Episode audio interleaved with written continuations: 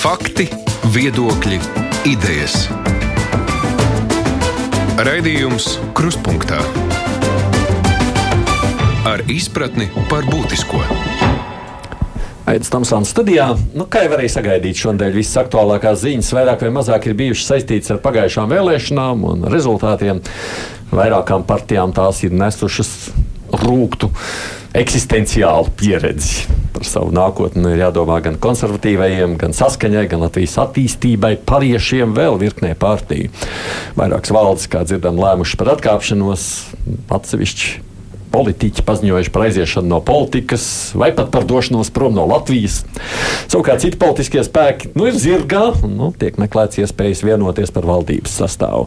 Bet, nu, kā redzams, pat ar tādiem pārliecinošiem rezultātiem arī šajā ceļā izrādās ir liela klupšanas akmeņi. Kā jau piekdienās kruspunktā ir žurnālisti, lai runātu par nedēļas laikā notikušo, kolēģi Mārija Ansone ir pieslēgsies mums ārpus radiomājas. Sveika, Māra! Tā, sveiks, Aidi. Es redzu, tāpat kā Gunārs Reiders no Latvijas televīzijas. Sveiks, Gunār! Sveiki, sveiks, Aidi! No nu, studijā savukārt šeit ir Romanis Mēļņiks. Tev arī sveiks, protams, un Delfi žurnālists Alīna Lastovska. Sveika! Sveiki! Es nu, teiktu, tik daudz, kas viss ir noticis šajās dienās, un daudz arī par ko tiek runāts, tāpēc es izvēlētos sākt ar tematiem, par ko nu, vienkārši tā sākotnēji laika ir atlicis mazāk runāt. Proti, par tām partijām, kurām šīs vēlēšanas ir atnesušas nu, tādu milzīgu vilšanos. Laikam vislielākā drāma ir bijusi partijai saskaņa. To, ka viņi vispār neiekļūs saimā, pieļāva man tādu versiju. Jā, kaut kad pirms pāris nedēļām bija kaut kāda saruna. Man liekas, ka pie tevis vai šeit. Un, un, un ko darīs tas saskaņas vēlētājs? Viņam bija divs, divi varianti. Vai nu mobilizēties un nobalsot par tiem, kas ir kļuvuši nu nekādi viņa skatījumā. Mhm. Vai arī vienkārši pasēdēt mājās un lai nu iet kā iet. Un, un viena no versijām bija, ka viņi varētu tiešām nenobalsot. Un mēs redzam, ka kopējais tas vēlētājs, kas kādreiz balsoja par saskaņu, viņš pārsvarā. Bet mājās nav palicis. Nu, ir palicis nav, mājās. Nu, nu, nu, stabilitāte ir iekļuvusi. Reizeknē 67% cilvēku aizgājuši balsot. Daugopilī liels vēlētājs skaits. Tur, kur viņi jūtas margināli, tur, kur viņi jūtas apdraudēti, tur, kur viņi jūtas um, nu, ne, ne savā ādā, tur viņi ir mobilizētāki nekā, nekā rietumu rajonos. Balsot ne par saskaņu un ne par saskaņu. Jā, Nu, redz, tur, tur tie cilvēki ir vairāk mobilizēti, jo tur ir tas konflikts iekšā. Kāda, kāda būs Latvijas reizekne? Nu, tas jā, bet es par to vai vispār tu pieļāvu, Alīna, ka viņi nemaz. Es nezinu, kā jūs rādījāt, bet mēs mēdzam taisīt žurnālisti savā starpā prognozes. Oh. Es, diemžēl, neesmu precīzi šajās prognozēs bieži un nu, par kaut kādām atsevišķām partijām, un es nebiju prognozējis, ka saskaņa varētu neiekļūt. Protams, mēs redzējām reitingus, mēs redzējām jā. to lejupslīdošo līniju līkni. Bet man nu, likās, ka tomēr 5% barjeru pārvarēs. Nu, viņi bija ļoti tuvu, un tā ir ļoti laba ziņa no šīm vēlēšanām. Varbūt nu, tie, kas saka, ka neviena bal nu, balss neko neizšķir, tagad redz, ka nu, daži simti balsu var izšķirt daudz. Jā, arī tādā skatu punktā, Gunār, tu arī runājies ar politiķiem, kā tev likās. Mums arī ziņu dienestā pie sienas bija totalizators, un lielākā daļa saskaņai nebija prognozējuši izkrišanu. Man īstenībā tas bija pārsteigums. Bet no otras puses, alternatīva tur parādījās. Tāpat kā mēs redzam, nosacīti liberālajā, ekonomiski liberālajā flangā, aparvietā ir progresīvie. Tā kā tās nišas, nišas ir saglabājušās. Vienīgie, kas, vienīgie, kas droši var justies par savu vēlētāju, jo nav konkurentu, viņu uh, nišā, teiksim, tā ir Nacionāla apvienība, kas ir paņēmusi savu kārtējo, savu, savu tradicionālo Artavu, ja, bet, arī ja mazāk, bet arī mazāk nekā pagājušajās vēlēšanās. Jau, nu, labi, par tām mēs arī vēl parunāsim. Māra, mēs savukārt nu, to, ka viņi nebūs pirmajā pieciniekā, jau varētu pat nedomājām, jo mēs viņus aicinājām ne, pat uz premjeru intervijām, jo augustā vēl rādījās, ka viņi ir piecinieks pirmais. Nu, tur jau tā lieta redzu. Es arī negaidīju, ka viņi neiekļūs vispār, bet man liekas, ka nu, tas tā inerces pēc, zinot, kādi viņiem bija rezultāti, vienmēr bijuši. Un likās, nu, aptaujas socioloģiskās jau arī traki nerādīja. Bet no otras puses, ja mēs paskatāmies, kas tajā flangā, tur bija tik milzīga konkurence un katrs pakām pa savu 4,5%, nu tā rupji izsakoties, protams, tam daudziem bija mazāk.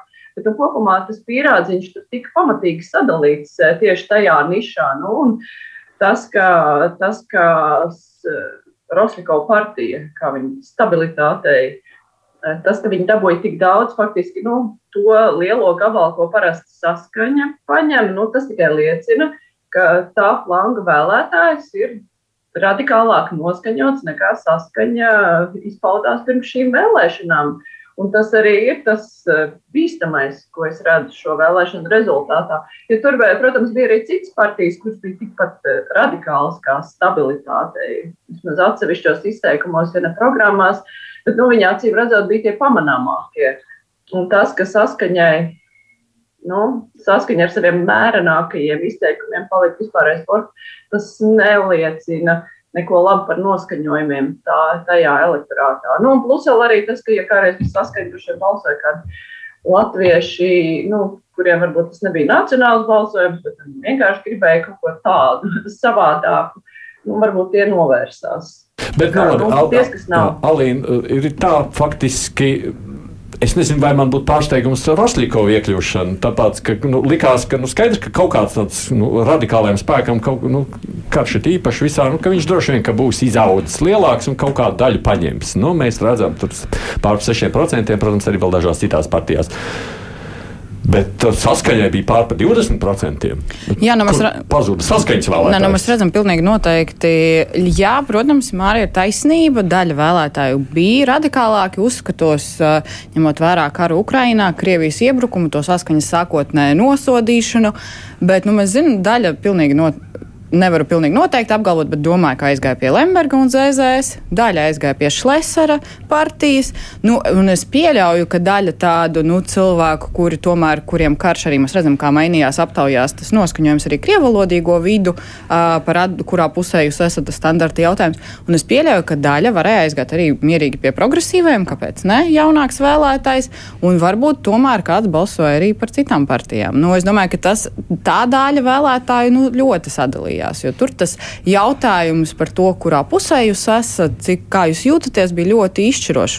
Man, jā, daļa ir tādos radikālākos uzskatos, bet mēs redzam, ka tā nav lielākā daļa. Un šis ir tāds interesants jautājums. Vai daļas, nu, izskatās diezgan būtiskas daļas, pieņemsim, saskaņas vēlētāju pāriešanu uz ZZS vai Šleseru, vai tas ir slikti? Ne, jebkurā gadījumā vēlēšanas ir tāda liela socioloģiska aptauja, kurās mēs ļoti precīzi redzam, nu, kas, kas, kas kurš ir sabiedrībā. Un uh, ļoti labi, ka nu, kādreiz mēs vēlēšanām runājam, ka nav labi, ka tik daudz tās partijas konkurē 19 sarakstu un grūti orientēties, bet ļoti labi, ka mēs tagad redzam, kuru uh, viedokļu paudēji spēj savākt kādu atbalstu. Nu, teic, tiksim, no saskaņas. Nu, tās amorfās, neizteiksmīgās saskaņas, kas pēdējā laikā bija, pazaudējot uh, gan savus līderus, gan arī uh, pazaudējot kaut kādu savu nu, retoriku, jo pēc kara Ukrainā viņi pozicionējās, ka viņi ir rietumu pusē, nu, viņi faktiski atsvešinājās no savu vēlētāju. Uh, Kurā aizgāja tas vēlētājs, mēs apmēram pēc, pēc šīs vēlēšana rezultātiem varam nojaust, bet mēs, mēs nu, tā, teiksim tā, tas ir tāds kontrolējams process, nu, tā, tajā ziņā, ka mēs tagad redzam, cik daudz ir tie, nu, tie cilvēki, kas uh, atbalsta Roslīko idejas paustās, cik daudz ir uh, progresīvie, cik daudz ir varbūt kāds cits uh, Krievijas Savienības uh, vēlētāju, nu, kā, tā, kā tā temperatūra Jā, sabiedrībā bet, nu, kopumā ir. Mēs redzam, tā tad radikālais vēlētājs nu, ir nepilni 10%. Nu, tā mēs izskatās šodien savākot kopā tur stabilitāte, Latvijas Krievijas Savienība, un droši vien, ka tomēr nevaram izslēgt arī Juļijas Stepaņenko viņas to sarakstu. Nu, tā tad tu pie 10%, partijā, 10 ir. Savukārt saskaņā atceramies bija pār pa 20% vēlētājs. Jā, bet viena liela daļa neaizgāja, tāpēc, ka vienkārši viņi vīlās. Vēlēšanu rezultāti rāda, ka salīdzinot ar pagājušām vēlēšanām ir aizgājuši gandrīz 10% mēs skaitām visus, vēlētāju. Mēs skaitām visus vēlētājus kopā. Jā, jā, bet kas nozīmē, un tu pie, arī paskaties krieviskajā sadaļā, kur ir lielāks krievi īpatsvars ir aizgājis vairāk nekā pagājušās vēlēšanās, to tev ir grūti argumentēt. Es sacītu tā, 10% vēlētāji pašķīda, un tā jau mums te arī saka politologi un sociologi. Izskatās, ka pašķīda par daļu no tās saucamajām latviskajām, kas ir Šlesters, kas ir Lembergs, kas viņas ir uzrunājis visvairāk tieši tā. Vai tas ir slikti, nu. Māra? Nu, bet, mēs taču zinām, ka, ka saskaņai nebija tikai krievu vēlētājs. Tur bija diezgan daudz latviešu vēlētāju, kuriem acīm redzot, ir nu, šajā situācijā tīkamā, kas nu, arī, nu, arī tajā laikā, varbūt, un arī tagad ZZS, Lemberga pieejams, viņiem labāk patīk tāds šlesers. Un, jo tur jau tā daļa bija diezgan liela, kuri nebija tas tipiskais krievu valodīgais, kurš skatās Maskavas virzienā. Citādāk jau saskaņa nebūtu dabūjis tik daudz balsu. Mēs pašā kādreiz brīnamies, nu, jā, nu, kā viņiem ir tik milzīgs, tik, tik milzīgs elektorāts. Un, acīm redzot, tās ir tās partijas, kur arī viņi ir pašķīduši, kuriem ir bija arī nu, pietiekoši pamanāmas kampaņas, vai precīzāk sakot, kuru kampaņas bija ļoti pretnostatītas tam, ko piedāvā, piemēram, valdība. Nu, tas viņa aizgāja noprotestēt pret valdību tikai tajā galā. Mm, jā. Iespējas izrāpties viņiem no bedres, es domāju, saskaņai.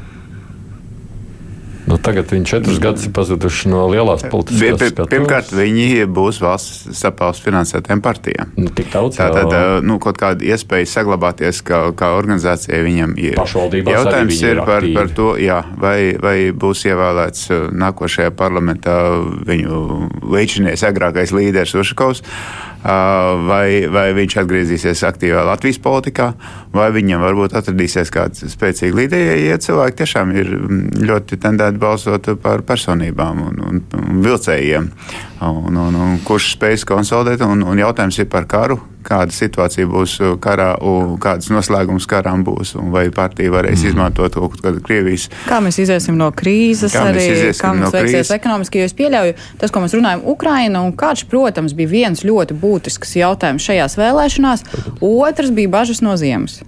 Un Mhm. arī ekonomiskās programmas un tie solījumi dosim pabalstus, dosim lielāku atbalstu. Es domāju, ka arī tas nospēlē kaut kādu lomu šajā izvēlē. Ja, protams, nedēļa pirms vēlē, vēlēšana nedēļā vēl tika doti klāt pabalsti vēlētājiem. Nu, iedots- jau, protams, nešķērsēs. Nē, nē, valdība, valdība līdz ar to pāraugusi sevi. Nē, es, es kratu galvu, tāpēc, ka es nu, vēl atceros, kādā veidā vispār saskaņa guva savus milzīgos panākumus. Jo, ja mēs atceramies, tad bija saimnes, kur tas flanks bija sadalīts vairākās partijās. Bija atsevišķa tautas saskaņas partija, bija PCTVL par cilvēktiesībām vienotā Latvijā. Tur varbūt viņiem taču bija sociālisti. Tad viņi ņēma un sāka apvienoties ar vien ciešāk un ciešāk, un tas bija, tā bija viņa panākuma atslēga. Tagad tas vēlētājs, kuru viņi bija apvienojuši, ir atkal sadalīts pa partijām. Jautājums, vai viņi vispār spēs atkal kaut kādā veidā savākties kopā. Es nedomāju, ka, ja viņi vienreiz ir savākušies, ka viņi te varēs vēlreiz izpildīt šo pašu triku. Partijai, ja viņi grib gūt kaut kādus panākumus, viņiem vajag atrast kaut kādu pilnīgi citu profilu. Bet es nezinu, cik viegli tas ir iespējams šobrīd, jo viņiem, ir, viņiem gan ir tā pagātne, tāda īpatnēja, nu, gan arī konkurence. Teiksim, tajos eh, citos eh, profilos ir diezgan liela. Es nezinu, vai viņiem izdosies to atkārtot, ko viņi izdarīja tur eh, 90. un 2000. sākumā. Ejam uz priekšu. Es zinu, ka te, protams, ir daudz nezināmā un pilnīgi noteikti skaidrs, ka tas, kā notikumi šajos četros gados Krievijā risināsies, un tur noteikti kaut kas notiks citādāk? Tas arī ietekmēs Latvijas krievu vēlētāju, par to jārēķinās. Otra dāma risinājās attīstībai par bloku. Nu, tur tā intriga bija līdz pēdējiem brīdim, un beigās tur tiešām pietrūka pārsimts balss viņiem. Gundar, kas viņus iegāza? Es domāju, ka vēlētājs mm, šai apvienībai pietiekami prasīgs un, manuprāt, iegāza skandāli vairāk nekā nepopulārās le- reformas, kas arī, protams, bet vairāk skandālu nespēja paskaidrot um, to pašu stāstu par azartspēlēm un tā tālāk, kas, kas sakrājas par šo partiju. Un, Es varbūt neprecīzi izteicos par um, uh, progresīviem, kā liberāliem ekonomiskā jomā, bet um, cilvēktiesību jomā. Protams, viņi bija lieli konkurenti, prasīgais vēlētājs. Domāju, aizgāja daļa pie uz turieni, daļa aizgāja uz, uz, uz jauno vienotību, uh, gribot redzēt stabilitāti. Uh, un, uh, un, vai šī partija un apvienība attieksies? Es domāju, ka nē.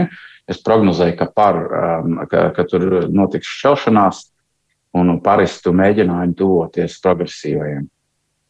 Bet pašas abas partijas, nu, pieņem, tur ir trīs partijas, bet nu, pieņemsim tās divas lielākās attīst, Latvijas attīstībai un pār kā tādas paliks, tavuprāt, Gundar? Viņi centīsies, viņiem arī ir uh, valsts finansējums. Uh, es domāju, zināmas iestrādes uh, un, un, un, un, un kaut kādas valsts iepirkumos un citur, kur viņi šobrīd līdz šim ir startējuši. Es domāju, šīs partijas atbalstītāji līdz ar to, protams, ka viņi centīsies saglabāt kaut kādas biznesa intereses. Es domāju, ka pelēko kardinālu līmenī vai tas notiks caur attīstībai vai izmantojot jauno koalīciju, to mēs redzēsim. Es tikai par šo aizdomājos, pirms jūs turpināt ar komentējumu, kā tad ir. Tātad tas finansējums nāk apvienībai, bet ja apvienība izjūg, jo tur ir divas partijas. Jā, viss atkarīgs kā izjūg, jo, piemēram, zaļie, kad aizgāja prom no Zaļo zemnieku savienības, tad zaļie palika bez naudas, un Zaļo zemnieku savienība saglabāja gan nosaukumā zaļos, gan arī naudu. Tas bija dīvaini, bet uh, droši vien, ka tas ir, nu, mehānismu jautājums. Uh, mhm. Ja runājam par attīstību, par, man liekas, ka bija galīgi aplama uh, priekšvēlēšana kampaņa. Viņi, pirmkārt, viņi ļoti uh, nu, aktīvi pozicionēja, priekšplānā virzīja cilvēkus, kurus nevajadzēja vispār rādīt. Vajadzēja Pāvļot, piemēram, paslēpt un nerādīt divus pēdējos mēnešus vispār ekrānos. Viņš mēģināja kaut ko stāstīt un, un, un baidīt ar maskām atkal un tā tālāk. Viņš ir negatīvs, viņš nes to negatīvu attieksmi. Viss tā, vis tā Covid ēra, viss veselības ministrs ir. Nu, reputācijas ziņā sagrāvusi. Otra lieta ir, Pūcēm arī nevajadzēja rādīties ar visu viņa pagātni. Cilvēki tomēr atcerās, lai nu, lai nu cilvēku atmiņa it kā ir īsa. Bet, vai ne? Atcerās vienu štrunku caurlaidu. Konkrētu skandālu atcerās. Un, protams, tas, ka lika uz plakātiem izlēmīgo premjeru mm, pabriku, nu, viņš nu, nav demonstrējis sevi kā baigi izlēmīgo. Drīzāk viņam vajadzēja pozicionēt, ka viņš ir aizsargās valsti un, un ar ieročiem un, un, un, kaut vai ar automātu viņu noliktu uz plakātiem, tas būtu daudz efektīvāk nekā tāda mīlīga. Tā kā kariņš, kas laikam nu, arī kas, kas, grūtais. Ne, jā, tā, tāpēc, ka tas mm, bija tāds sajūta, ka viss vis vēlētā aiziet uz, uz to pusi un kariņš gūst lielākos panākumus un tad mēģinās izst stiprāko. Kas arī vēlētājiem kā, lika, nu, tā kā, nu, nu kā huligāniski uzvedies, ja tā brīdī, kad tas cilvēks, kurš nu, nomanevrējis jūs visus daudz maz savācis kopā to bariņu ar, ar huligāniņiem, četrus gadus. Tagad brauksim viņam virsū, nu pats tāds būdams. Jā, tā kā kampaņa bija galīgi apgāzta, man liekas. Visi tie vēstījumi bija pilnīgi mm. neatbilstošiem cilvēkiem. Jā, man liekas, es atvainojos, jā, jā, bet man liekas, ka diezgan naivi domāt, ka vēlētais nesaprot, ka viņi paši ir daļa no tās valdības. Un, ka, ja tu saki, ka valdība ir slikta, valsts ir bremzēta. Nu, tajā brīdī, un... kad priekšvēlēšana laikā attīstībai par to sasaucam. Jā, jā, jā.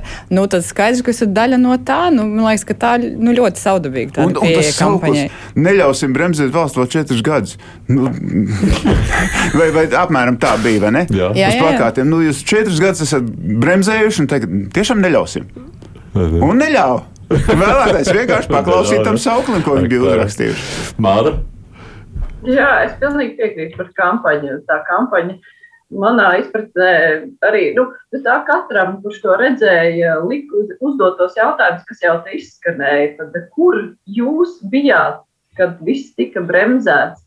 Un jūs taču esat tajā valdībā, nu skaidrs, ka tie jautājumi tajā brīdī visi tiek uzdot, nu, gan žurnālisti uzdev, gan arī cilvēki sociālajos tīklos. Un, un, nu, tur nekas neparādījās, kāpēc man vajadzētu balsot par šo partiju. Tur varbūt kādam būtu jautājums, kāpēc man vispār vajadzētu balsot par kādu, kurš bija šajā valdībā. Nu, jo viņi par sevi, par savu labumu tā arī neko nepastāstīja. Un cilvēki jau īstenībā uz tādām lietām arī mēdz izķert, uzķerties tam, kurš sevi liela, nevis tur gāna citus. Bet nu, vēl jau arī, nu jā, tie skandāli, tie arī noteikti spēlēja savu lomu, jo it, it īpaši, ja mēs runājam par pārvēlētāju, nu, viņi ir vīlušies arī tajā, ka par savā laikā ne, neatdalījās no Latvijas attīstībai. Tur bija jautājums, nu, kāpēc vispār viņi to dara, kāpēc viņi tik ļoti turās. Un, nu, Acīm redzot, pāri jūtās stiprāki vai pasargātāki aiz Latvijas attīstībai muguras.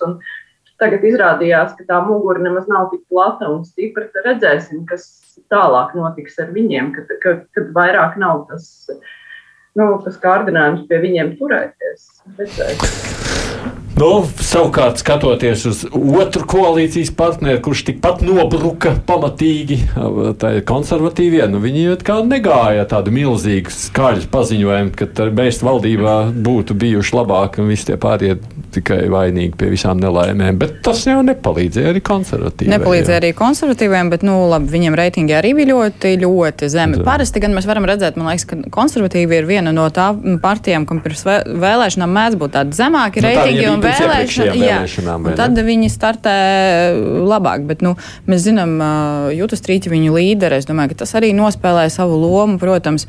Un, nu, man liekas, tā niša, ko viņi mēģināja ieņemt, arī nu, pirmkārt, viņi bija nacionāla un konservatīva civilās savienības likums. Jautājums, cik lielā mērā tas ietekmē, mēs varam domāt, ka tas tomēr ietekmē to vēlētāju, viņu atbalsts tam. Nu, vismaz pārējās uh, partijas ļoti aktīvi teica, nu, kas viņi par konservatīvajiem. Jā, jā. Tas ir viens, bet es nedomāju, ka tas bija izšķiroši. Tomēr. Man liekas, ka arī tagad nu, viņi turpināja, protams, runāt gan par nacionālo politiku, gan par, runāt par to, ka vajag cīnīties turpināt ar korupciju, bet varbūt tā niša tagad nebija tik būtiska tam vēlētājiem. Viņi bija pazaudējuši identitāti tieši tāpat kā saskaņa. Viņiem bija lielais karoks korupcija pirms vairāk kā četriem jā. gadiem, vēl pirms Rīgas domas vēlēšanām.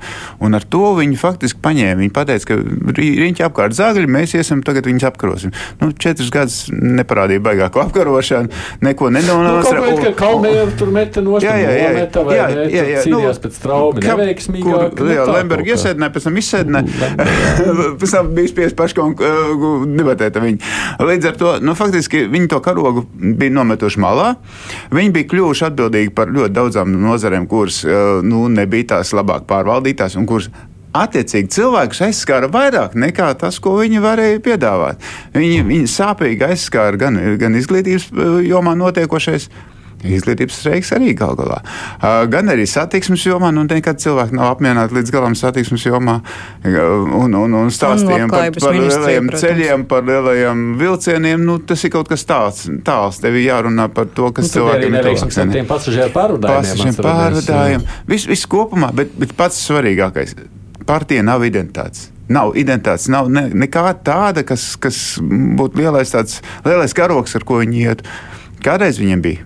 Mm, vairs nebija. Mm -hmm. Līderu nebija. Izspilgtāko līderu nebija. Nu, Bordāns, mm, menedžers, kurš savāca kopā cilvēkus, bet jā, un, un arī to pašu korupciju tam pašam Jurašam pārmet krietni lielākā devā nekā viņš spēja pārmest kādam citam.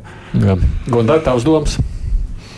Es piekrītu tam, ko, kas jau bija teikts, izplūda kaut kā viņa savā darbībās un, un pazaudējās. Un tas droši vien arī bija galvenais iemesls, kāpēc, kāpēc jā, tieši tā sāka ļoti kategoriski. Un tajā brīdī tas derēja. Tur, tur, tur neņemsim koalīcijā ZZS un tā tālāk, sarkanās līnijas, un no tā viss izrietošais. Un, un beigās kaut kā, kaut kā pazuda.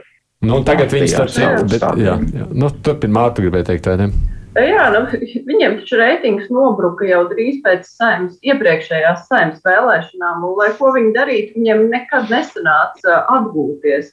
Un mēģināja vienu otru, un nu, nekad nesanāca. Mums piekrīt romānam, ka pie beigām viņi jau beigā, pazaudēja savu sākotnējo identitāti, un nu, tas, ka viņi arī savas, savu vēlētāju konservatīvās jūtas eh, piekrāpa, nu, ja tā var teikt, atbalstot dzīvesbiedru likumu, nu, tas vēlētājs jau arī īsti nesaprot, kas tad notiek. Un, savukārt, eh, pievilināt vēlētājs no citām partijām tikai tāpēc, ka viņi sāka atbalstīt eh, nu, kaut kādas citas vērtības, nu, tur arī īsti neizdosies. Tur pietrūkst tā materiāla, ar ko pievilināt. Kā, tur, bet nebija jau brīnums, jo viņiem taču kā viss aizgāja pa pieskari pēc uh, vēlēšanām, tā arī beidzās. Un tas, ka viņi ir valdībā, nu, viņiem tāpat nācās būt, bet tas jau viņiem neļāva. Neļāva atgūt. Tur ir iespējas, Gunār, viņiem vēl, nu, tātad Bordāns visu valdu atkāpjas, nu, jaunajiem dodot iespēju vilkt šo partiju, tur kaut kas Nē, nu, vēlēšana naktī, vēlēšana naktī Jānis Bornāns solīja, ka, ka Latvijas no dzelzceļa celsies ārā bez melnā bruņinieka un, un viens vēlēšana cikls opozīcijā. Tas ir normāli. Redzēsim. To mēs redzēsim. Lielā mērā tas būs, es domāju, tas būs arī atkarīgs vai šo uh, kas daudziem vēlētājiem svarīgs, eh, politi biznesa, politi biznesa intereses. Eh, un, un tie, kas saka, ka mēs esam pret slēptām politi biznesa interesēm, piemēram, progresīvie tiks valdībā vai nē. Jo, ja tas, teiksim, tā valdība aizies tādā, nu, tā teikt, vairāk tādu dažāda žanra uzņēmēju virzienā, kas, kas, kas arī varētu būt, uh, Eh, tad, eh, tad eh, konservatīviem ir lielākas iespējas. Ja šī valdība nebūs ar šo antikorupcijas karogu iezīmīga, tad, tad, tad un, un teiksim, pieņemsim, ja progresīvie tiek un viņi mēģina uzturēt šo, šo, šo karogu, tad, tad būs grūti konservatīviem. Vēl viens gada mums likās, ka Gobzem vadītā partija, toreiz gan laikam tā nebija katram un katrai, tur tie nosaukumi mainījās, bet nu, nu, viņi rullēs vēlēšanās. Kāpēc tā notiek? Nu, kāpēc tā notika? Tāpēc, ka sadalījās balsis starp Aināru Šlesaru Latviju pirmajā mm. vietā, ļoti līdzīgas idejas, gan pabalstus, kam, kurš piesolīs lielāku, par vakcināciju, par covid šiem jautājumiem. Ļoti līdzīgas idejas, nu, laikam neizturēja konkurenci. Kāpēc Šlesars izrādījās pievilcīgāks par gobzemu? Kā vēl pirms gada galīgi nelikās? Nu, grūti pateikt, kāpēc, piemēram, nu, man arī grūti piemēram, prognozēt, kāpēc, vai saprast, kāpēc nu, Lembergs, neskatoties uz to, kāpēc Pūcēm atcerās caurlaidi, bet Lembergam neatcerās citas lietas ļoti, pat ar visu tiesas lēmumu. Kāpēc Gobzems tagad izskatīja, varbūt viņš bija, varbūt viņš tomēr kaut kādā brīdī sāka likties par agresīvu, par nekonsekventu, cik viņš reiz teica, ka viņš brauks prom, ka viņš atkāpsies, ka viņš negrib šo visu. Varbūt šīs nospēlē. Cik, nu, arī nezinu, vai tas vai vēl vēlētājs to pamana, vai tas ir būtiski, cik daudz viņš reāli saimnes darbā piedalījās pašlaik. Viņš tomēr viņš ļoti ir. Slēdz ārā, viņš jā, viņš slēdz ārā visu laiku, cik viņš aktīvi to strādā, vai, vai tas ietekmē. Bet es domāju, ka nu, kaut kāda šlesaru vēlētājs ir pieredzējis arī, bet tā senāk, un varbūt tur kaut kādas arī nostalģiskas jūtas parādījās. Arī ekonomikā varbūt viņš pārliecināja ar savu retoriku par kaut kādiem jautājumiem, bet nu, man, man tā līdz galam precīzi pateikt, es nevarēšu. Jā, jā. Es domāju, ka, es domāju, ka Gobsam vajag vieta bija tā, ka viņš bija pirmkārt viena cilvēka partija. Mēs, mēs neviens īpaši nezinām tur tos pārējos, ne kādu vienu otru cilvēku, bet nekas vairāk. Uh, Šlesram savukārt bija pietiekoši daudz uh, veco buku, kuri lielā daļā skrapāni un tā. Jā, jā, kaut kādā sabiedrības daļā viņiem bija savs vēlētājs. Katrs uh, savu vēlētāju piesaistot dabūja kaut kādas enerģiju. Uh, Šlesers visdrīzāk piesaistīja arī Krievu nu, saskaņas vēlētājs, kā mēs runājam, Gobsams diez vai.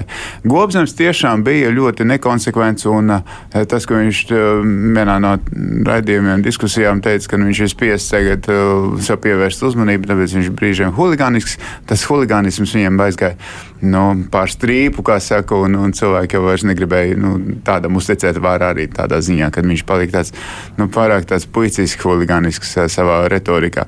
Uh, tiesa gan uh, priekšvēlēšanu vakarā daudz palika, tad nu, neturēja daudziem, bet nu, tad, jau, tad jau, kas saka, mm. lielā spēle bija nu, izlēmta. Vēl varianti kādi, Māra? Uh, es, es nezinu, es varbūt dzīvoju citā pasaulē, bet man nevienu brīdi nelikās, ka Gobzems varētu iekļūt nākamajā saimā. Jo ne viņam reitingi bija, ne viņa visām akcijām tur bija kaut kāda atbalstītāja. Nu, tur bija kādi mazi bariņi cilvēki. Kā, Facebookā tur uzreiz sirsnīgs bija tūkstošos, nesaki, viņš darbojās aktīvos. Nu, Facebookā sirsniņas var dabūt visādos veidos.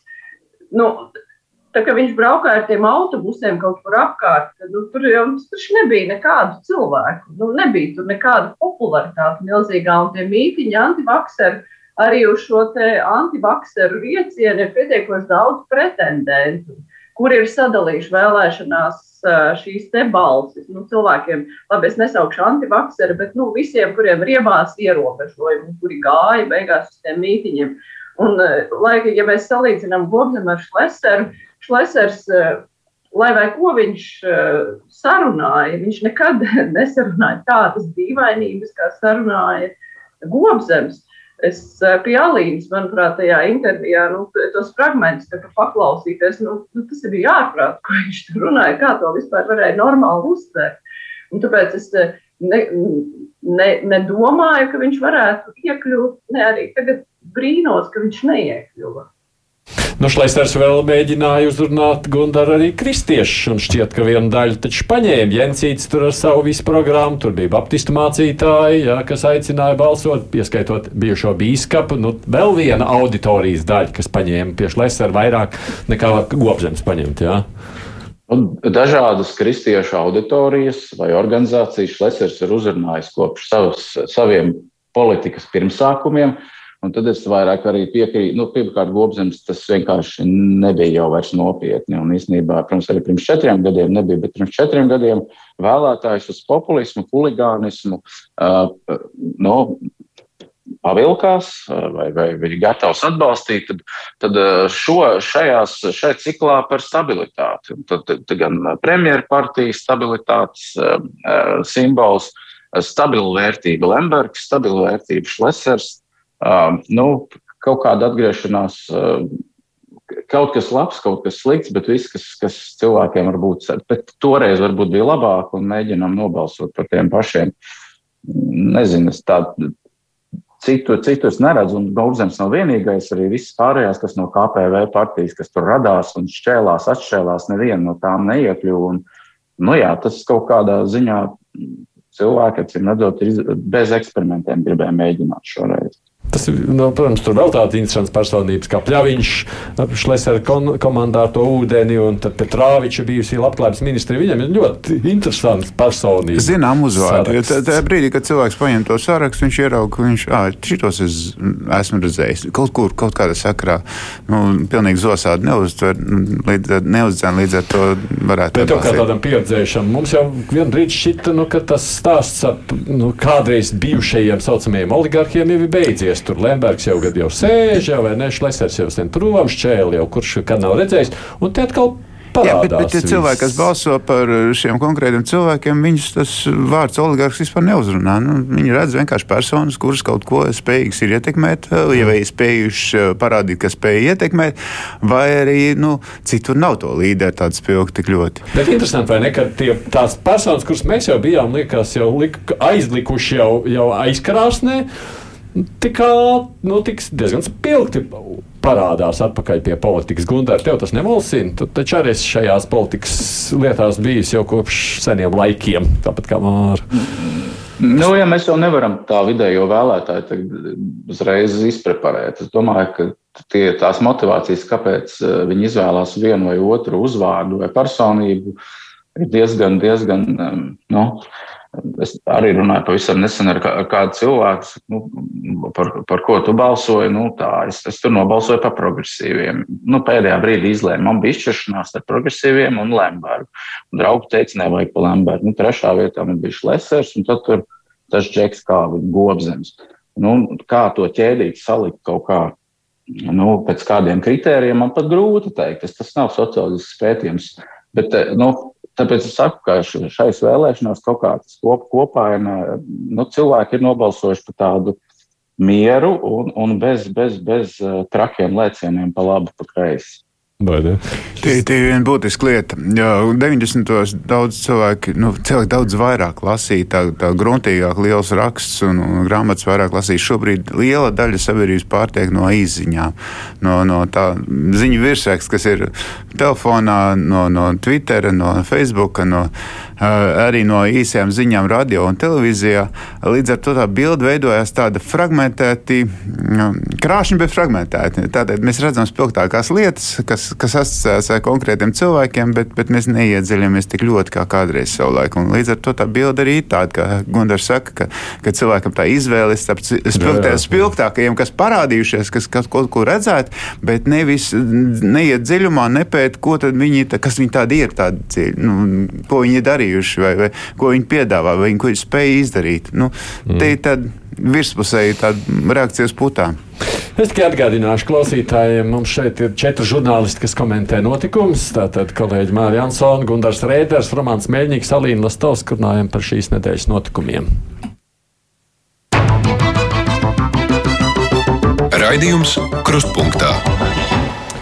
Nu, es nezinu, vai es, vai es tā pavisam īsti tikai Julijas Stepaņenko ir prom no politikas, tavuprāt. Es negribu gari iesaisties uz visiem. Sarakstiem. Nu, ņemot vērā, cik daudz viņa mēģinājusi ieņemt dažādas nišas, protams, viņai bija parlamenta platforma, kas ļoti palīdzēja. Nu, es, es, ņemot vērā viņas deksmi, es domāju, ka viņa mēģinās vēl parādīties. Jautājums tikai vai šajā veidā, vai kādā jaunā apvienībā, vai ne. Bet, nav labi. Bet to tālāk nē.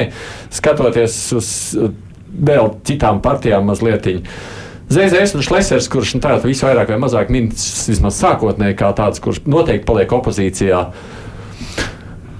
Nu, te mēs viņus abus pieminējām. Kāds viņiem māri ir iegūms no šiem rezultātiem vēlēšanās? Nu, it kā skaisti startē, bet neviens ar viņiem negrib no. Nu. draudzēties. Nu, man, man sāk izskatīties tā, ka ZZS, paņemot Lembergu kā premjeru kandidātu, nu, ka viņi mēģināja iet uz visu banku. Viņiem, nu, ne, nu, viņiem tas neizdevās eh, beig, beigās, bet ja viņi būtu dabūjuši, es nezinu, piecas, sešas vietas vairāk, piemēram, būtu, vai varbūt vispār nezinu, uzvarējuši, jo viņi jau paļāvās uz to, uz eh, Lembergu kā populāru cilvēku, daudzu cilvēku acīs, kuriem tā oligarha sadaļa ir vienalga, un kur ir gatavi par viņu balsot, jo socioloģija jau rāda, ka Lembergs ir populārs. Nu, un tad viņi gāja vabank. Beigās tomēr izrādījās, ka nē, ka viņi nav izšķirošie. Jo tikpat labi varētu būt, ka bez viņiem nevar iztikt. Un tad, nu, tad viņi liktu izvēlēties.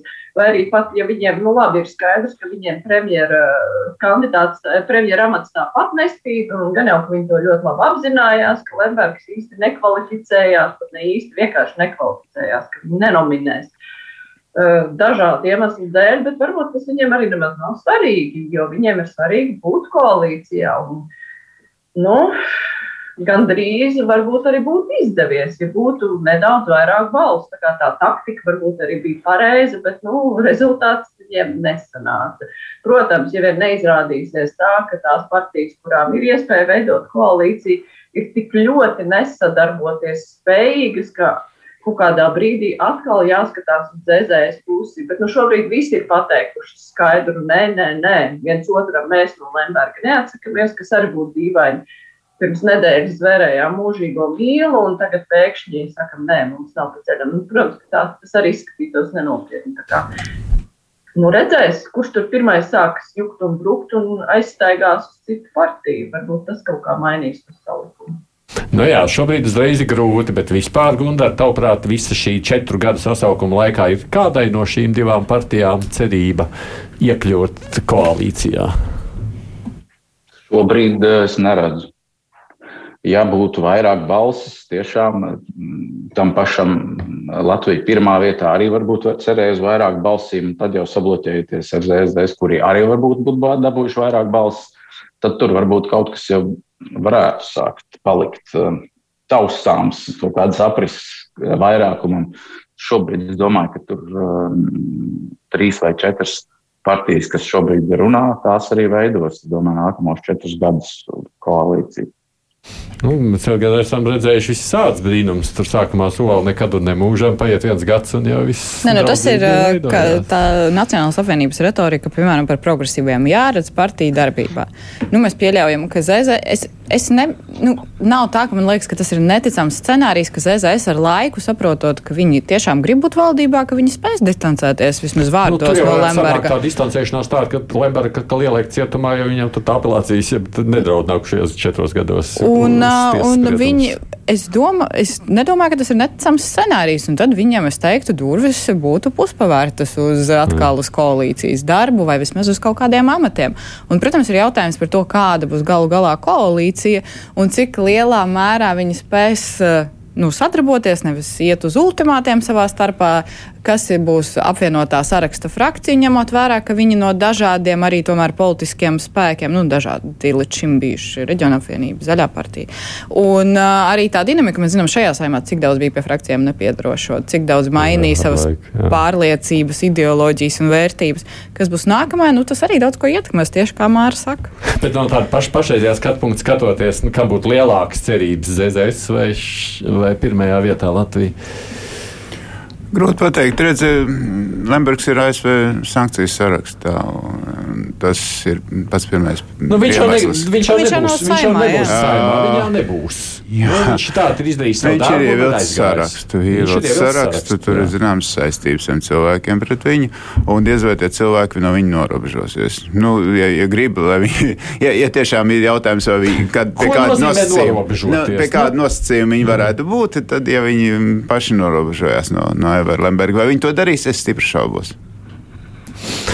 Nu jā, lai, labi, vai pabeigt. Skatoties, Nē, ja ir jāliek, ja ir jāliek vai mums ZZS vai LPP, nu, es nevienu no viņiem neredzētu valdībā, bet eh, skaidr, nu, man izskatās, ka, ja par cerībām runājam, tad ZZS ir nu, visādā ziņā nu, ar savu sastāvu kaut kā solidāk, un eh, citi var ar viņiem vismaz zina, ko sagaidīt, jo, nu, Šlesera frakcijā. Nu, mēs zinām Šlēseru un tie vispārējie, kas ir savēlēti. Nu, nu, kā Šlēsers un dēls jau viens par otru var atbildēt. Kristapans tur arī pat ir bijis, vai ne? Es, ne Viņš ir bijis, jā, bet, bet teiksim, tie visi izteikumi, ar kuriem viņi ir nākuši, nu, tas neliecina, ka viņi būtu ļoti tādi, nu, tādi, tādi, tādi, tādi ļoti nopietni sadarbības partneri. Tādā ziņā ZZS, lai arī ir visu laiku izteicies un ir bijis lielā opozīcijā valdībai, bet eh, nu, viņi nekad nav par sevi radījuši tādu nu,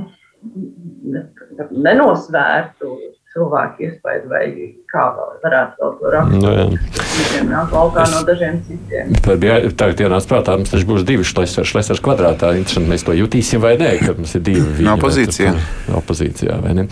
Bet, nu, tas lielākais temats, kas neapšaubām šajā nedēļā visu nedēļu tiek virpināts, un mēs, protams, nevar par to nerunāt. Mēs redzam, arī klausītāji par to ļoti aktīvi zvana mums un izsakās. Tas ir jautājums progresīvi opozīcijā vai nē. Un man tāda sajūta, ka šī, šo, šī nedēļa gan izvēl sašķēlus Latviju divās daļās. viena par un viena pret. Un es, es nebiju gaidījis, ka tas šādu. Nē, nu, redz, cilvēki jau grib, lai otrā dienā pēc iepazīšanās jau svinētu kāzas un, un, un, un laist pasaulē bērns. bet tur jau ir pašas partijas ārkārtīgi jau sapozicionējušās bet, bet, bet, laikā. Pirmkārt ir jāsaprot, kas, kas par ko iestājās, kas ar ko, kādām idejām nāk valdībā. Nu, tam, tam sarunu procesam vienmēr ir kaut kāds laiks nepieciešams. Nu, nevar prasīt jau pirmdienas rītā, nu, nu tā valdība ir skaidra, jā. Nav skaidrs, kāpēc nav skaidra. Nu, vai, vai, vai, vai trīs vai četri. Nu, es domāju, ka vispirms ir, vispirms ir jābūt normālām tādam sarunu procesam, lai saprastu, vai spēj vienoties par kaut kādiem konkrētiem darbiem, principiem un, un sadarbību, vai nespēja. Otra lieta, bet... otra lieta ir Es, es tomēr uh, esmu starp tiem, kas uzskata, ka nu, cik kompakti vien iespējams. Es arī to Twitterī un Facebookā rakstīju, ka e, mēs esam piedzīvojuši šos situācijas, kad ministrs iznāk ārā un viņš saka, jā, loģiski būtu darīt savādāk, bet tas bija kompromiss un tas labākais, ko mēs varējām vispār panākt. Un ne, ne, ne šis ne tās īpaši Covid laikā bija. Jo mazāk partneru, jo vieglāk vienoties. Labi, labi, nu, jo mazāk partneru, jo vieglāk kādam iespītēties un pārējiem ir... nevienoties. Bet tas ir cits jautājums. Šī retorika, es eh, neko par kolēģi nesaku, bet ļoti daudz mēs dzirdējam. Vispirms jāvienojas par darbiem. Protams, idejas nenoliedzami ir būtiskākais šajā valdības darbā. Bet kā var vienoties par darbiem, ja mēs nezinām, kurš tos darbus darīs? Nu, kā, kā tas ir iespējams? Nu, nav iespējams. Un es domāju, ka viņi, protams, ka vispirms vienojas par sastāvu un tikai tad, kas ir pieņemams par darbiem. Uz kā pamata viņi vienojas par sastāvu? Uz, uz kaut kādu viņa, principu. Viņa arī par sastāvu īsti nespēja. Tur jau tās sarunas ir šobrīd. Un, bet sastāvs ļoti ietekmē darbus, ļoti ietekmē vērtības, ideoloģiju, kas ir šai valdībai, uz ko viņi gatavi iet. To sastāvu pastāvs iezīme nu, ietekmē vistiešākā veidā? Gundar. Izsakies, nerausti plecus. Ne, man liekas, šobrīd eh, daudz kas atkarīgs no jaunās vienotības stresa noturības, pēcvēlēšana, cik viņi pēcvēlēšana stresa noturīgi iekšēji, un arī sarunās ar savām, saviem potenciālajiem partneriem. Eh, jo Nu, es cenšos būt ļoti objektīvs. Manuprāt, protams, var būt abi varianti. Gan trīs, gan, gan partijas, gan četras partijas, bet nu, teiksim, jāvērtē, kā tas ir gājis. Skaidrs, ja tev ir nedaudz pāri 50, un, un, un, un man nav skaidrs, es domāju, daudziem nav skaidrs par, par, par to singulu apvienotā saraksta solījumu strādāt kopā līdz galam neticu tā šajā gadījumā vārdiem. Un, vēl es gribu atgādināt arī 11. gadu, kad Zatlera partija teica, ka ejam valdībā, taisam Nacionālu apvienību kopā ar saskaņu. Liels skandāls. Nacionāli nosauca Zatleru par kangaru un nezinu ko vēl. Un pēc trim dienām parakst kopīgu deklarāciju par kopīgu darbu valdībā ar savām atrunām, un tā tālāk. Bet bez saskaņas, bet bez saskaņas. Bet bez saskaņas, bez saskaņas bet eh, jautājums, ja, ja, ja, ja tagad, nu, teiksim, nacionāli pārne progresīviem, ka viņi tur lūk ir teikuši kaut ko, kaut kādu pirms uh, 24. februāra, tad reforma partija bija gatava ar darbiem, tātad šo saskaņu ievilkt valdībā. Nacionāli piedeva, un, un Zinters teica, nu, viņi, tā bija viņa retorika. Es domāju, ka ļausim viņiem valdībā pierādīt ar darbiem, kāda viņi ir labi vai slikti. Tur šī, šis kompromiss tika panākts. Līdz ar to es arī nenopērku to nacionālu teikto, Nacionālās savienības teikto, ka mēs nevaram šādi, ar šādiem izteikumiem kādreiz partijas progresīvie tikai tāpēc neņemt valdību. Līdz ar to tas pirmkārt tas ir no jaunās vienotības atkarīgs, bet, protams, arī nacionāļi pierādījuši, ka viņi, kā paši saka, stabilitā valsts, kā stabilitātes vārdā, ir gatavi bijuši sadarboties ar dažādām partijām. Bet nu, šobrīd viņām liela vajadzība, kā to nebūtu māra. Ne, nu, it kā nebūtu, tajā pašā laikā tās 54 balss, nu, tas ir ļoti nedroši. Un uh, Alīna, kā jau minēja, nu, tas dod iespēju kādam uh, uzstādīt ultimātus. Un uh, skaidrs, ka šajā situācijā nu, tur noteikti tāda stīvēšanās par jaunās vienotības ietekmi. Ja viņi būs tikai trīs, tad jaunās vienotības ietekme mazinās. Ja viņiem būs progresīvie vēl aiz muguras, nu, tad skaidrs, ka, ka ne apvienotais saraksts, ne nacionāli nevarēs uh, diktēt savus noteikumus. Un, uh, es arī nu, teiksim, tā, saprotu, kāpēc viņi visi ir iestājušies šādā pozīcijā. Jo kurš gan grib mazāku ietekmi? Skaidrs. Nu, tad ir jautājums, kur bū, kurš būs izturīgāks šajā te, uh, stīvēšanās procesā. Nu, to nu, mēs redzēsim. Tas, ka tur ir kaut kādas ideoloģiskās pretrunas, nu, vienotība ar progresīviem man šķiet vēl tuvāka nekā, piemēram, ar Nacionālo apvienību. Bet uh, kaut kā kopā ir līdz šim strādājuši, un nekas jau tāds nav noticis. Bet nu, skaidrs, ka ir kaut kā sevi jāpozicionē, un tas var nav nekas tāds. Ir cerības, ka viņi vispār visi četri varētu satikties, jo viņi šobrīd nav satikušies četrtā, un neizskatās, ka viņi tur pagaidām grasās to darīt. Vismaz es nu, vēl jau ir laiks, vēl jau ir laiks, bet, bet tā, tam visam komplektā, nu, viena lieta ir, viņiem ir jāvienojas vispār par to, kurš tad veidos to valdību, un tad ir vēl prezidenta uzstādījums, ka viņš grib arī, lai viss būtu, visas pretrunas jau iepriekš atrunāts, atrisināts koalīcijas līgumā, ka viņš vēl gaida to ideāli izstrādāto koalīcijas līgumu. Nu, uzdevums tur ir īstenībā nepajokam. Es nezinu. Roman, tu teici, ka nu, nevar pirmajā nedēļā uzreiz prasīt, lai kāds svin, un tā droši vien arī ir.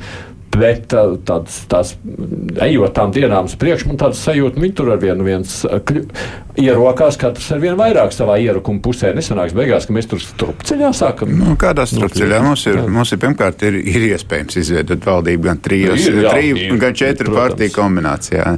Un tad brīdī, kad būs pagājuši kaut kāds trīs saimnes sanāk uz pirmo sēdi tikai mēnesi pēc Jā, vēlēšanām. Līdz ar to mums ir tikai pirmā nedēļa. Nu, nu, nu nekādas teikt. Otra lieta, nu, protams, ja, ja, ja tikko Māra teica, ka viņam ir jāatrisina tās problēmas, kas ir tās domstarpības, tad vissmagākies progresīviem. Es domāju, ka progresīvie, ejot valdībā, viņi paraksta sev politisko nāves spriedumu. Ja līdzīgi kā bija konservatīviem, nespēja realizēt kaut kādus savus lielos uzstādījumus, jo visdrīzāk viņi nespēs viņi būs spiest visvairāk iet uz kompromisiem, lai viņi tikai paliktu valdībā, un viņi nespēs panākt to, kas ir bijis viņu tādie stūrakmeņi, un, un pēc tam pēc četriem gadiem nevarēs neko vēlētiem pateikt. Otrkārt, šis viņi... ir iemesls, kāpēc jaunā vienotība varētu gribēt viņus paņemt valdībā, lai, lai jaunai vienotībai jaunai vienotībai ir lieliska pieredze ar konkrētu novākšanu. Līdz šim konservatīviem mm. arī, un, un, protams, ka šā aktieru kaimiņa nu, grupai jums arī vairs nav. Tur paši pajukāt. Tur jā, jā, jā, faktiski jaunā, nu, vienotība. jaunā vienotība izauga no nekā uz, uz atzim kā Feniks. Ne? Līdz ar to e, progresīviem šis varētu būt ļoti riskants pasākums, ja viņi iet valdībā. Ja viņi paliek opozīcijā, viņi var pozicionēties joprojām ar saviem uzstādījumiem un, un atgādināt viņiem. Viņi var meklēt partnerus kaut, kāds, kaut kādos jautājumos, tā skaitā ir vienotība. Ja viņi iet valdībā, viņi nerealizē. Jo skaidrs, ka šobrīdējais sastāvs, saimnes sastāvs ļoti daudzos jautājumos būs nu, stipri konservatīvs. Nu, tā varētu domāt, bet var jau arī visādi sanākt. Arī tie, kas sēž opozīcijā, reizē neko nespēj izdarīt un izčākst. Un beig beigās savukārt tie, kas ir valdībā, redz premjeru Kariņu, jaunā vienotība iepriekšējā saimā vai ne? Zēzēs ar uzrābu. Mazākums bija, vai ne? Mazākā frakcija. Tā kā tas viss ir tāds. Jā, protams, mēs tagad runājam jautājums. par tiem, kuri neiekļuva parlamentā, pro, un pirms iepriekšējām saimnes vēlēšanām mēs diskutējam par to, vai vienotība tiks parlamentā un redz, kādi ir rezultāti. Līdz ar to tās partiju liktenis var mainīt mainīties. Nu, es nezinu, vai četri gadi ir ļoti strauji, bet diezgan strauji. Bet, jā, nu, par valdību runājot par to modeli, protams, ir gan riski, gan ieguvumi gan eh, pašiem politiķiem un partijām, gan mums kā sabiedrībai no jebkura no tā varianta. Bet, nu, protams, gribētos, es saku, viņiem jāvienojas par sastāvu, tad viņi iet pie darbiem un vēl par valdības sastāvu, sastāvu kā, kurš ieņems kuru ministra krēslu. Tur jau arī būs daudz klupšanas akmeņu. Nu, tas, varbūt. Protams, tā jau tur spriežot pēc tām personībām, kas parādās sarunās, varētu domāt, ka tas būs nākošais klupšanas akmens. Visu nepārunāsim. Atstāsim nākamajai reizei māru vadīs, tad viņi varēs mums jautāt. Savukārt, nu, totalizatoru. Tu teici, ka jūs tur rīkojat redakcijā totalizatoru. Tad trīs vai četru partiju koalīcija. Nu, tā kā es turpināšu viņus intervēt, man jāpaliek neitrālai un objektīvai. Tev nu bija, tu atturies. Es, es atturos. Tad, tur kāds ir gatavs neatturēties. Ne? Visi grib atturēties. Nu, ko tas maina mūsu skatījumā? Nē, vienkārši tādā ziņā zināt. Nu, labi, pabeidzot tikai pavisam īsti, tur ir tiek apstrīdēta vēlēšana rezultātā tādā šīs dienas ziņa no divām partijām. Tā pašā skaitā saskaņa tam ir vērts pievērst uzmanību. Nu, tāds sportiņš ir. Nu, kaut kā ir jāparāda sevi un jāpierāda, ka viņš cenšas vēl kaut ko tādu. Nekas nenotiks. Es domāju, mūsu vēlēšana sistēma ir pietiekoši korekta šobrīd jau un uzraudzīt un pāraudzīt. Un tur liela, liela pārkāpuma nevar būt. Vismaz ne tāda, kas maina vēlēšanu rezultātu. Un ne tāds, lai tu pārskaitītu visas balsis nu, saskaņai Nu, pārskatīs, nu, ka tas mainīs. Nu, viņš ir pietiekoši precīzi, precīzs uzskaits mehānisms ir radīts jau pa gadiem. Es domāju, ka tur pārskaitot kaut septiņas reizes nevar nekas mainīties. Labi, kolēģi, pie tā arī paliekam Romanis Meļņiks šeit studijā, tāpat tās kā Alīna Lastovska no Delfiem, Gundars Rēders no Latvijas televīzijas pieslēdzies, un arī Māra Jansona ne no Latvijas radio pieslēgusies, bet darbojas Latvijas radio.